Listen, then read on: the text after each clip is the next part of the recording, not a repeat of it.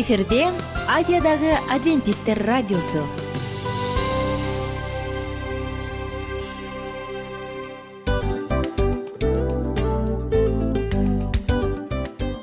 Достор салют. Баардык сүйүктүү угармандарыбызга салам айтабыз. Кутман күнүңүздөр менен. Ден соолук өмүрдүн булагы демекчи саламат саамы программасында баарыңыздарды көргөнүбүзгө абдан кубанычтабыз. Анда алгач амандашып өтөлү арбаңыздар деп. Ден соолугуңуздар кандай элибизде көбүнчө ден соолук кандай дегенде эле жакшы деп жооп беребиз э? ооруп турсак дагы жакшы дейбиз. Анан мен муну айтып ойлойт элем бул абдан сонун сөз депчи анткени бул жакшы деген үмүт да э ооба баары жакшы болот. Баары сонун. Деп үмүттөнүп атып эле өзүбүздү өзүбүз дарылап коебуз. Анысы кандай сиздин дагы ден соолугуңуз жакшы беш деген үмүттөбүз чындыгында ден соолук бул өмүрдүн булагы деп бекеринен айтылган эмес деп ойлойм. Кыргыз элинде анткени эгерде ден соолук жок болсо анда адамдын жашоосунда калган баардык керектүү маңыздуу нерселер өзүнүн баалуулугун жоготуп коет. Ошондуктан ден соолук бул эң керектүү нерсе. Ооба туура айтасың кесиптешим. Чынында ден соолугуң жок бир эки үч күн ооруп калсаң эле э кандай болуп калат? Жашоодо көз каранды болуп каласың көп нерсеге жетишпей каласың көп нерсени кыла албай каласың жада калса эшикке дүкөнгө да чыга албай каласың. Туптуура анан ден соолук болсо демек биз биздин бактыбыз тотой деп койсок болот. Анда достор саламат саамы рубрикабызды баштайлы. Алдыда өзүңүзгө керектүү болгон сонун кеңештерди уга аласыздар. Мына ошондуктан биз менен бирге болуңуздар. Ал эми биз болсо милан жана айнура. Кеттик алга. Алга саламат саама ден соолуктун жарчысы. Саламат саама ден соолуктун ачкычы. Күн сайын сиз үчүн мыкты кеңештер сонун жаңылыктар кызыктуу фактылар. Биздин рубрикада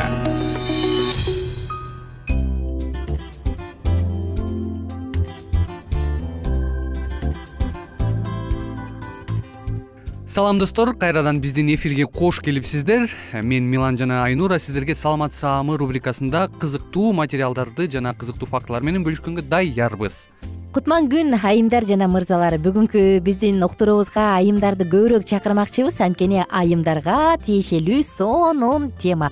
Тагыраак айтсак бүгүнкү темабыз шапоголизм жөнүндө шапоголик жөнүндө болмокчу. Бирок айымдар деп кеттиң мен ойлойм бүгүнкү күндө албетте айымдар көбүрөөк ооруйт бирок эркектерге дагы тиешелүү. Тиешелүү анткени жыйырма биринчи кылымдын турундары чындыгында шапоголик э, бул жөн эле косметика менен байланыштуу эмес. Кийим кечек кийим кечек э, керек болсо уюлдук телефон. уюлдук телефон техника то есть бул ар бир адамга тиешелүү. Ошон үчүн бүгүн биз ушундай бир шапоголиктер жөнүндө сөз кылмакчыбыз. Э, эгерде шапоголикти шапоголик э, деген тасманы көргөн болсоңуз анда дароо эле күлкүңүз келип бизди а ушул жөнүндө айтышат турбайбы дейт болушуңуз керек. Негизи эле шапоголик деген сөз бул аниомания э грекчеден которгондо сатылуу үчүн бир өзгөчө мындай акыл эсин жоготуп безумие деп коет эмеспи? Бир акылсыздыкка баруу экен да. Элестетип көр бул сатылып жаткан нерсеге карата акылсыздыкка баруу. Акчаң барбы жокпу карызсыңбы карыз эмессиңби бул балким нанга же токочко деген акчабы бирок сен барып барыбир ошону алмайынча ооруйт экенсиң да. Ооба кээ бир адамдар үчүн албетте бул шапоголик шапоголизм деген бул жашоонун маанисине айланып калган андан тышкары ушундай көз карандуулукту чакырат экен. Э, көз карандуулук болуп анан көптөгөн э, жада калса бүгүнкү күндө депрессияга чейин дагы үй бүлөлөрдүн э, бузулушуна чейин алып келет экен. Ошон үчүн шапоголизм деп бүгүнкү күндө дүйнөдө ушундай түшүнүктөр киргизилген экен. Шопингализм же шапоголизм деп айтып коет. Бирок биз ошол шопингке байланыштуу. Албетте эң биринчиден болуп буну он тогузунчу кылымда байкашкан экен. Анан эң биринчи болуп психиатрлардын арасында эмиль крепелин менен э, эйген блейрем деген э, ошондой швейцариялык окумуштуулар э, германиялык жана швейцариялык окумуштуулар ошону биринчи жолу байкашкан экен да.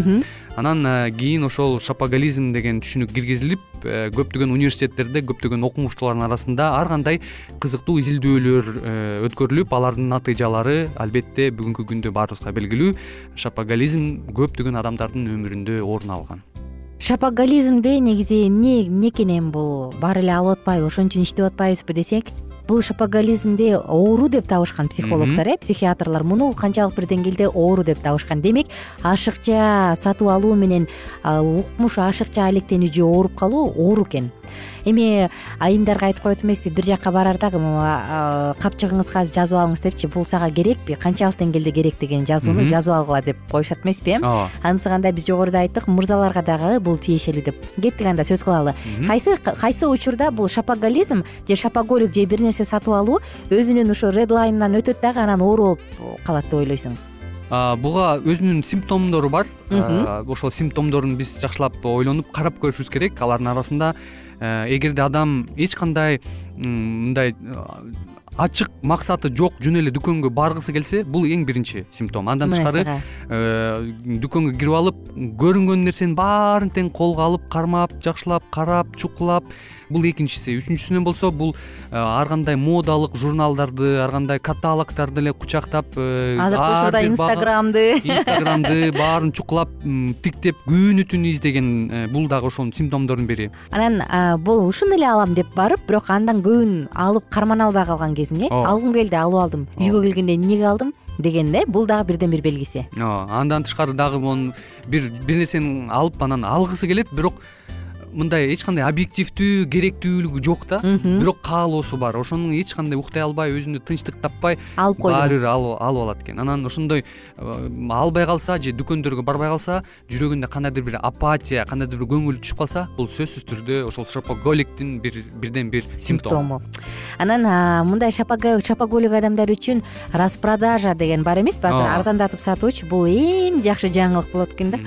Уктуңбу распродажа болуптур дегенде эч нерсени карабай туруп жөнөйт экен акчасы барбы жокпу жок дегенде көрүп келем да деп туруп анан кетет экен элестетип көр.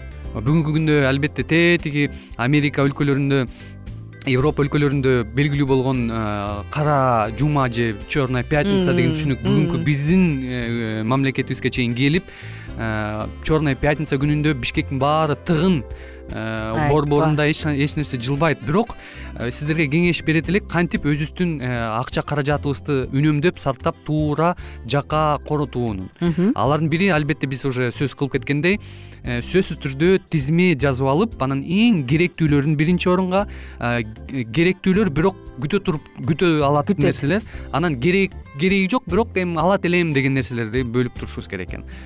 Кийим кечеге карата айта турган болсок гардероб толуп турат бирок кийгенге эч нерсе жок. Кой жаңы кийим алыш керек. Бул дагы шапоголиктин бирден бир белгиси экен андан тышкары жакшылап э, изилдегиле дейт. Э, негизи каякта арзан каякта кымбат балким ошол эле товарды башка оптом саткан жерден үч арзаныраак алып алабызбы? Анан баягы скидка арзандатуу дегенди уксак эле шыр эле ала калабыз бирок э, негизи чын эле арзандатуу немелер айтат окумуштуулар айтат анын ага көп көңүл бурбагыла арзандатуу бул жөнөкөй эле ошондой маркетинг белгиси экен да маркетинговый ход деп коет го. Ооба. Ошон үчүн скидка арзандатуу десе эле илинбегиле дейт шапоголиктин дагы бир бирден бир симптому бул сизди баардык э, магазиндерде таанып калат дүкөндөрдө э. Сиз келдиңиз а сөзсүз түрдө алат. О кандайсыз деп тим эле кубанып кучакты жайып тосуп алышат.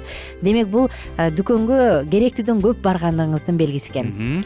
Жана э, ой мен любой моментте каалаган учурумда токтотуп коем. Керек болсо албай деле коем деп айтасың бирок ошол нерсени сен сезип турсаң дагы болбой эле аласың. Бул дагы ушунун бирден бир симптому. Ооба андан тышкары баратканда үнөм акчаны эле алгыла деп кеңеш беришет. Э, эми кредит карталарын э, албагыла деп айтышат. Анткени э, бул эгерде биз барсак биз эч кандай контролдой албайбыз. Ал эгерде колуңузда миң эле сом болсо албетте сиз андан ары ала албайсыз. Ошон үчүн эртерээк даярданыңыз шапоголиктин белгилери жөнүндө сөз кылып атабыз бул симптомдору жөнүндө алдыда мүмкүн биз кантип арылыш керек ушундан кеңеш айтып берербиз э? Кантип бул шапоголизмден кутулса болот экенин айтып берели. Жогоруда биз айткан симптомдор эгер сизде бар болсо ойлонуп көрүңүз айына канча акчаны коротосуз эмнеге коротосуз жана кандайча коротосуз? Мүмкүн бул сиздин өзүңүздүн бюджетиңизди бир сыйра карап өткөнгө жардам берер. Ушул менен сиздер менен коштошобуз. Э, жакшы ийгиликтүү сатып алууларга ээ болуңуздар. Жана пока пока пока саламат саама ден соолуктун жарчысы. Саламат саама ден соолуктун ачкычы. Күн сайын сиз үчүн мыкты кеңештер сонун жаңылыктар кызыктуу фактылар биздин рубрикада. Салют замандаштар баарыңыздарга ысык салам. Дил маек программабызга кош келиңиздер. Дил маек рубрикасы дегенде эле бул эмне болгон дил маек? Ким менен маектешебиз деп сурайт болуш керек угармандарыбыз бул рубриканы кыскача тааныштыра кете турган болсок ар тарап кесип ээлеринен болгон сонун интервью кеңештер бар. Ооба. жылдыздар менен болгон маек бар. Аталарыбыздын агаларыбыздын чоң аталарыбыздан сонун кеңештер бар. Ошондой эле эже сиңдилердин кеңештери бар айтор. Баардык кызыктардын баары алдыда. Негизи эле адам баласы бир кимдир бирөөнө ишенип сырын ачкысы келет эмеспи э мындай баарлашууга жакын келебиз го. Албетте. Негизи бир жерге отуруп алып кенен шашпай баягы жүрөктөн жүрөккө ачып сырларыбызды ар кандай көйгөйлөрүбүз менен бөлүшүп баягы чын жүрөктөн маек курганды кимибиз сүйбөйбүз э? Ооба десең ал нерсеге суусап да келебиз да. Ооба кээ бирде адамга чындыгында баягы э, ысык маек баягы жылуу маек жетишпейт да. Ошондуктан биз ушул рубриканы ойлоп тапканыбызда эң биринчи эле достор сиздер менен чын жүрөктөн бир маңыздуу темаларды козгоп кеткени э, кааладык. Ошондуктан ушундай сонун бир рубриканы тартуулап жатабыз. Анын үстүнө радио дагы сонун дос да анткени э, мындай учурда досуңа айтсаң досуң досуна айтат досу досуна айтат да анан бүт өлкө билип калышы мүмкүн го. А радио болсо сени сатпаган сенин айыбыңды ачпаган сенин сырыңды эч кимге айтпаган сонун дос мына ошондуктан биздин алдыдагы айта турган кеңештерибизди биздин досторубуздун кеңештерин угуп анан ал жака пикириңизди дагы калтырып кайрадан биз менен байланышсаңыздар болот. Деги эле жашооңузга эгерде кичине болсо дагы өзгөрүү алып моралдык жактан нравовик жактан сонун бир кеңештерди алсаңыз демек биз максатыбызга жеттик. Ооба. Чыңгыз атабыз улуу жазуучу э, чыңгыз айтматов айткандай адам болуу бул күнүмдүк процесс экен. Күн сайын адам бойдон калуу бул адамзатка эң эле кыйын дейт э? э эң кыйын дейт. Чындыгында бунун негизинде адамдын эң баягы сапаттуулугу адамдын э, адамгерчилиги жана көптөгөн керектүү нерселер. Мына ошол темалар дагы бизде э, ушул дил маекте биз аларды да козгойбуз. Ден соолук жөнүндө да сүйлөшөбүз. Сөзсүз түрдө. Анан милан мырза негизи айтып коюшат го? Биз көбүнчө эмнени ойлонсок ошол нерсеге карата иш кылабыз го? Ооба. Анан анысы кандай балким бул радио баракчада кимдир бирөөнүн оюн текшергенге жардам берет кимдир бирөөнүн жүрөгүн текшергенге жардам берет. Балким кимдир бирөөгө жашоонун маңызын тапканга жардам берет айтор кызыктын баары алдыда бул жөн гана кыскача жарнама анда угармандарыбыздын баардыгын кийинки рубрикабызга чакырабыз. Ал эми кызматта маңдайымда отурган кесиптешим милан жана мен айнура. Анда эмесе биз даярдаган терең терең ойлор менен таанышууга кеттик. Алыс алыс баралык анда эмесе достор биз менен бирге болуңуздар. Алдыда эң кызыктуу маалыматтардын баардыгы бир нече мүнөттөр бою жалгыз гана сизге арналат мына ошондуктан жакшы маанай менен угууну каалайбыз. Үн алышканча. Жөнөдүк. Ар түрдүү ардактуу кесип ээлеринен алтын сөздөр жүрөк ачышкан сыр чачышкан сонун маек дил маек рубрикасында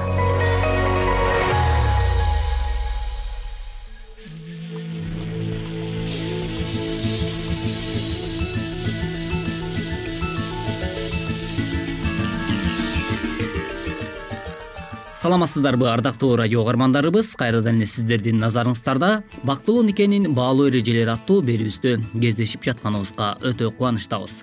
Бүгүнкү программабыздын чыгарылышында кайрадан эле биз сиздер менен үй бүлөгө багытталган бир нече кеңештерибиз менен бөлүшүп өтмөкчүбүз. Тактап айтсак баланы кантип тарбиялоо керек дал ушул жаатында сөз кылабыз. Андыктан дал ушул мүнөттөрдө биздин ободон алыстабай биз менен биргеликте болуңуз.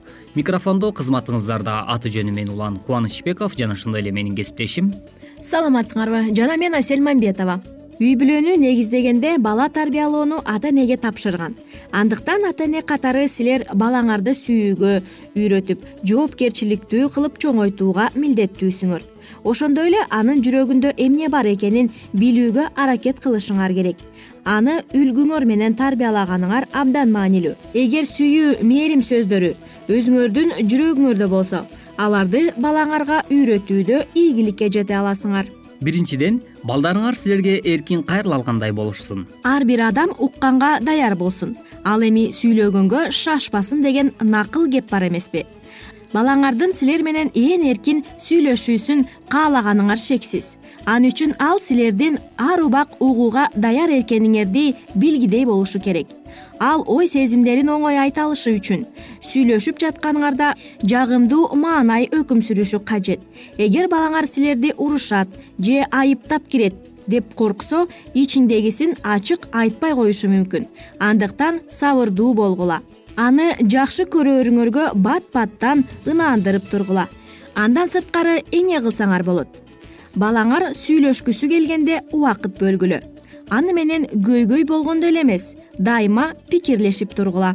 Экинчиден баланын оюн түшүнүүгө аракет кылгыла жагдайды жакшы түшүнгөн ийгиликке жетет. Балдарыңардын кандай сезиминде болуп жатканын түшүнүш үчүн. Анын сөздөрүнүн артында жаткан ойлорду баамдай билгиле. Балдар бир нерсени күчөтүп айтканга жакын келишет. Же айтпайын деген нерсени айтып алышат. Ким аягына чейин укпай туруп жооп берсе акылсыздыгын көрсөтөт делет. Андыктан ачууланууга шашпагыла. Андан сырткары биз эмне кылсак болот балаңардын айткандарын силерге жакпаган күндө да сөзүн бөлбөгөнгө сезимге алдырбаганга аракет кылгыла. Андай куракта өзүңөрдүн кандай болгонуңарды эмнелерди маанилүү деп эсептегениңерди эстегиле. Үчүнчүдөн бир пикирге келгенге умтулгула уулум атаң берген акыл насаатка кулак сал энең үйрөткөн мыйзамдарды четке какпа. Жараткан атага да энеге да баланын үстүнөн бийлик берген балаңарды тил алчаак болууга силерди урматтоого үйрөткүлө. Балдар ата энесинин бир ойдо эмес экенин оңой эле сезип коюшат. Эгер кайсы бир нерсеге карата жарыңар менен кайчы пикирде болуп жатсаңар. Ал тууралуу балдарыңар жокто сүйлөшкүлө. Болбосо алар силерди мурдагыдай сыйлабай калышы мүмкүн. Андан тышкары бул тууралуу эмне кылсаңар болот? Балаңарды кантип тарбиялай турганыңар жөнүндө сүйлөшүп бир пикирге келгиле. Бул тууралуу оюңар бир болбой жатса жарыңардын оюн түшүнгөнгө аракет кылгыла. Төртүнчүдөн бул туурасындагы маселени ойлонуштургула баланы туура жолго сал. Балаңар өзүнөн өзү эле тартиптүү болуп калбайт. Ал үчүн аны кантип окутуп үйрөтүүнү анын ичинде ага кандай тарбия берүүнү ойлонуштурушуңар керек. Тарбиялоого жазалоо эле эмес эреже талаптардын себебин түшүндүрүү да керек. Ошондой эле балаңарга туура принциптерди түшүнүүгө жардам бергиле бул анын абийиринин жакшы тарбияланышына шарт түзөт. Андан сырткары балаңарга ата энесине таянса болооруна ынанууга жардам бергиле. Андан тышкары ага зыяндуу нерселерден алсак интернеттен жана социалдык тармактардан адеп ахлактык жактан кооптуу нерселерден алыс болууга жардам бергиле. Ата эне катары силерге өзгөчө тапшырма берилген.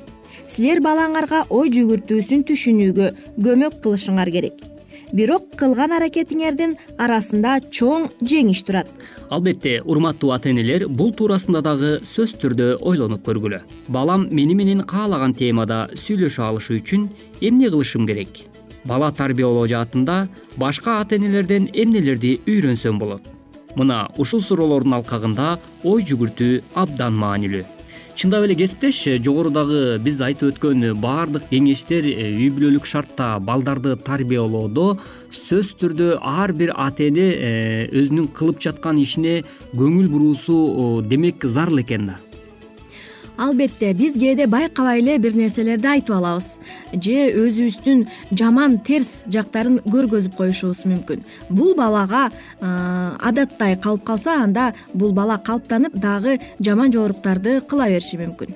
Сөзсүз түрдө угармандарыбыз менен ушул нерсени бөлүшүп жатканда менде дагы мисалы өзүмдүн э, жеке э, жашоомдон басып өткөн тажрыйбам катары дагы бөлүшүп кетейин дейм да.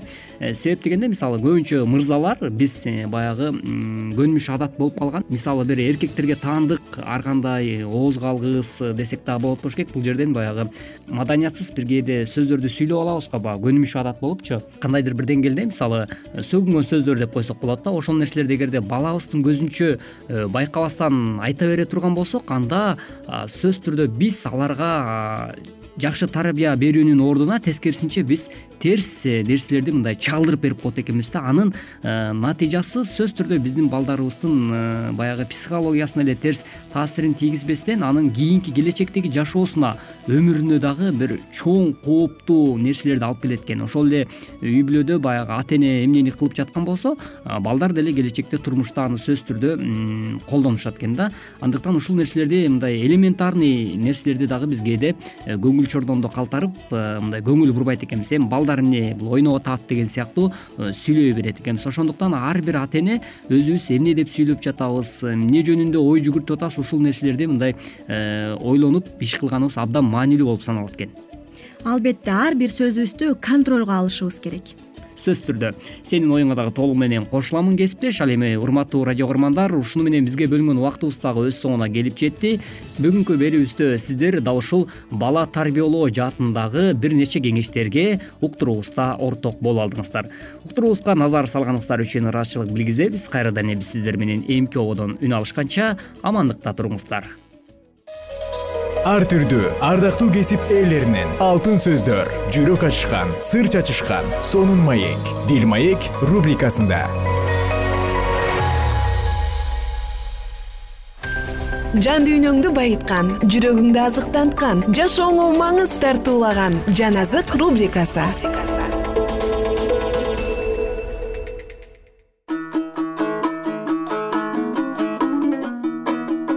саламатсыздарбы айымдар? Жана мырзалар биздин кадырлуу замандаштарыбыздын баардыгына ысык салам жана жалпыңыздарды жан азык уктуруусуна кош келиңиздер деп тосуп алабыз.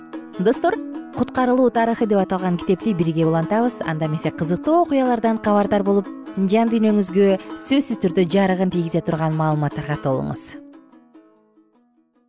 Кудайдын ишенимдүү уулдарын жок кылууга аракет кылышкан адилетсиз адамдар алардын үстүнө конгон кудайдын даңкын көрүштү жана кудайдын ырайымына ээ болгон адамдардын мындай деген кубанычтуу үндөрүн угуп жатышты. Мына ал биздин кудайыбыз. Биз андан үмүт артканбыз жана ал бизди куткарды ышая жыйырма бешинчи бап тогузунчу аят. Биринчи тирилүү. Машаяктын уктап жатышкан ыйыктарды чакырган үнүнөн жер титиреп кетти. Алар машаяктын үнүнөн мүрзөлөрдөн турушуп өлбөй турган даңктын кийимин кийишип мындай деп жатышты жеңиш. Мүрзөнүн жана өлүмдүн үстүнөн жеңиш. Өлүм сенин чаккан ууң кайда? Тозок сенин жеңишиң кайда? Биринчи корунтуктар он беш элүү беш. Өлүмдү көрбөгөн адилеттүүлөрдүн жана өлүмдөн тирилген ыйыктардын үнү жеңиштин урааны менен биригип жатты. Мүрзөгө өлүмдүн жана күнөөнүн оорунун залакасынан майып болушуп киргендер сымбаттуу өлбөс болуп тирилишти. Тирүү калган адилеттүү адамдар көз ачып жумганча убакыттын ортосунда өзгөрүлүштү. Алар тирилген ыйыктар менен бирге машаякты көздөй көтөрүлүштү. Кандай гана даңктуу жолугушуу өлүм аркылуу бири биринен ажырашып калышкан достор эми кайрадан ажырагыс болуп биригишкен. Ар бир куткарылган адилеттүүлөр булуттун үстүнө алынышып мындай деп үн жаңыртышат. Даңк кудайга даңк. Адилеттүүлөрдү алып жүргөн оттуу арабалар ыйык кудайдын шаарын көздөй бет алышты. Шаарга кире бериштин алдында куткарылган адилеттүүлөр өз куткаруучусунун айланасында катары менен тизилишти. Жана куткаруучу машаяк алардын алдында нурга бөлөнүп турду. Ыйыктардын сыйлыгы. Андан кийин көп сандаган периштелер шаардан даңктын таажыларын алып чыгып жатышты. Алардын ар биринде куткарылган адамдардын өз ысымдары жазылган жана периштелер ал таажыларды ыйса машаяктын алдына алып келишип анын бут алдына коюшту. Машаяк ар бир куткарылгандардын башына таажыларын өз колу менен кийгизген. Кыл аспаптар куткарылгандарга дагы берилип периштелердин коштоосу менен бардыгынын үндөрү ыраазычылыктарга жана даңктоого биригип турду. Кудай куткарып алгандар жагымдуу мукам үндөр жаңыртып кыл аспаптарда ойноп жатышат ошондон кийин гана көп сандаган куткарылгандарды машаяк ыйык шаарга алып кирди. Анын жаркыраган дарбазалары ачылып адилеттүүлөргө жол ачылды. Шаардын ичинде көз кубандыра турган нерселердин бардыгы бар. Ар тарапта кудайдын даңкы куюлуп турат. Ыйса машаяк куткарылган адамдарга көз чаптырып алардын кудайдын даңкына батып турган кубанычтуу жүздөрүн көрдү. Жана мукамдуу үнү менен мындай деди мен өзүмдүн оор эмгегимдин жемиштерин көрүп жана ыраазымын. Мен силер үчүн түбөлүк өмүр даярдадым. Ушул учурдан тартып ал силердики. Эми кайгы капа болбойт. Өлүм да ыйлоо да жана оору да эч качан болбойт. Куткарылган адамдардын баары баштарынан өз таажыларын чечишип ыйса машаякка таазим кылышты. Качан машаяк аларды тургузганда алар өз колдоруна арфаларын кыл аспаптарын алышып мукамдуу музыканын коштоосу менен өз ыйык каны менен аларды куткарып алган курмандык козуну даңктап жатышты. Анан ыйса машаяк өз элин өмүр дарагынын жанына алып келди. Алар кайрадан куткаруучусунун өтө мукам мындай деп айткан үнүн угушту. Бул дарактын жалбырактары дарылыкка. Баарыңар андан жегиле бул даракта куткарылган адамдар каалашынча жеше турган укмуштуудай мөмөлөр бар. Шаарда даңктуу такты турат ал тактынын алдынан акактай тунук суу агып турду. Өмүр дарагы бул суунун эки тарабында өсүп турат андан тышкары дагы анын жээгинде башка жагымдуу мөмө дарактар бар. Асман падышалыгынын сулуулугун айтып жеткире турган бир дагы тил жок таң калуу менен мындай деген сөздөр чыгат. Кандай керемет сүйүү кандай айтып жеткире албай турган сүйүү. Сөз байлыгы өтө кенен тил менен дагы асмандын даңкын жана куткаруучунун сүйүүсүнүн тереңдигин айтып жеткирүү мүмкүн эмес. Он төртүнчү бап. Жаза. Миң жылдык падышалык. Жерде адилетсиз адамдар өлүмгө кабылышкан. Алардын өлгөн денелери жер үстүндө көмүлбөй жатты. Кудайдын каары жети апаат менен жер тургундарына түшкөн алар тиштерин кычыратышып кудайга акаарат келтиришти. Кудайдын тирилтүүсү менен адилеттүүлөр асманга алынышкандан кийин адилетсиз адамдар каарын бири бирине көргөзө башташты.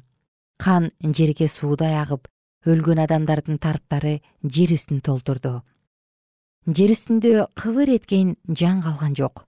Жер титирөөдөн пайда болгон урандылар тамыры менен оңкорулган бак дарактар талкаланган аскалар ачылып кеткен жердин жаракалары жердин үрөйүн учуруп жер аңгырап бош болуп калган.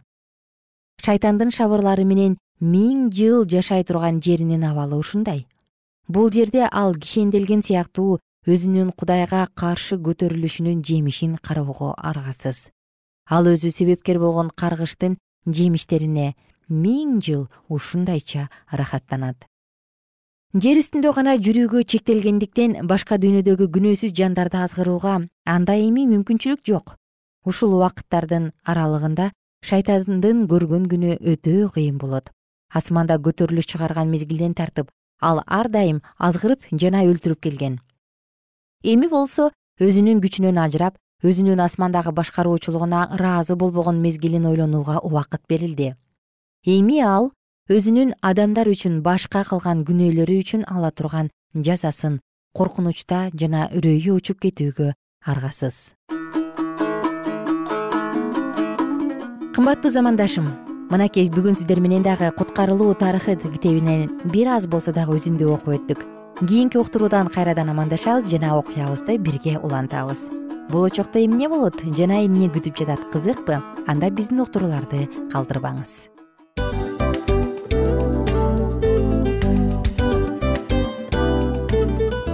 ушул менен достор программабыздын уктуруубуздун эң кайгылуу мөөнөтүнө келип жеттик. Кайгылуу дегенде ыйлагым келип кетти кесиптеш кадимкидей. Анткени баягы учурашасың анан коштошуу учур келгенде ии кантип ии эми бат баттан келиптир э сагындырбай деп атып араң коштошобуз го. Анысы кандай угармандарыбыз менен коштошчу учур келди. Кийинки уктурууларды сагыныч менен жүрөгүбүздө кусалык менен күтөбүз жалпыңыздарды анан жарым сааттык уктуруу көз ачышым канча өтүп кетти. Сөзсүз бирок бизде жакшы кабар бар. Кийинки уктурууларыбызда сөзсүз дагы кезигишебиз. Анткени биз көптөгөн сюрприздерди кызыктуу маалыматтарды жана керектүү керектүү нерселердин көпүнчөсүн даярдадык анда угармандарыбыздын баардыгына ийгиликтүү күн каалайбыз эгерде бүгүнкү күнүңүз өзгөчө э, өтүшүн кааласаңыз анда позитивдүү ой жүгүртүп жылмайып жакындарыңызга жакшы маанай тартуулап жүрө бериңиз анткени сөзсүз түрдө мунун арты кайтат э? Сөзсүз. Баягы ден соолугуңа оңолот ал бул деп көп нерсени санап келебиз. Эң негизгиси бул сиздин жашооңузду жаркын кыла түшөт экен жараткан кудай ар бирөөңүздөргө батасын берсин жашооңуз ийгиликтүү болсун сак саламатта калыңыздар деп мен милан жана кесиптешим айнура. Баардыгыңыздар менен кийинки уктурууда үн алышканча баарыңыздарга ийгилик каалайбыз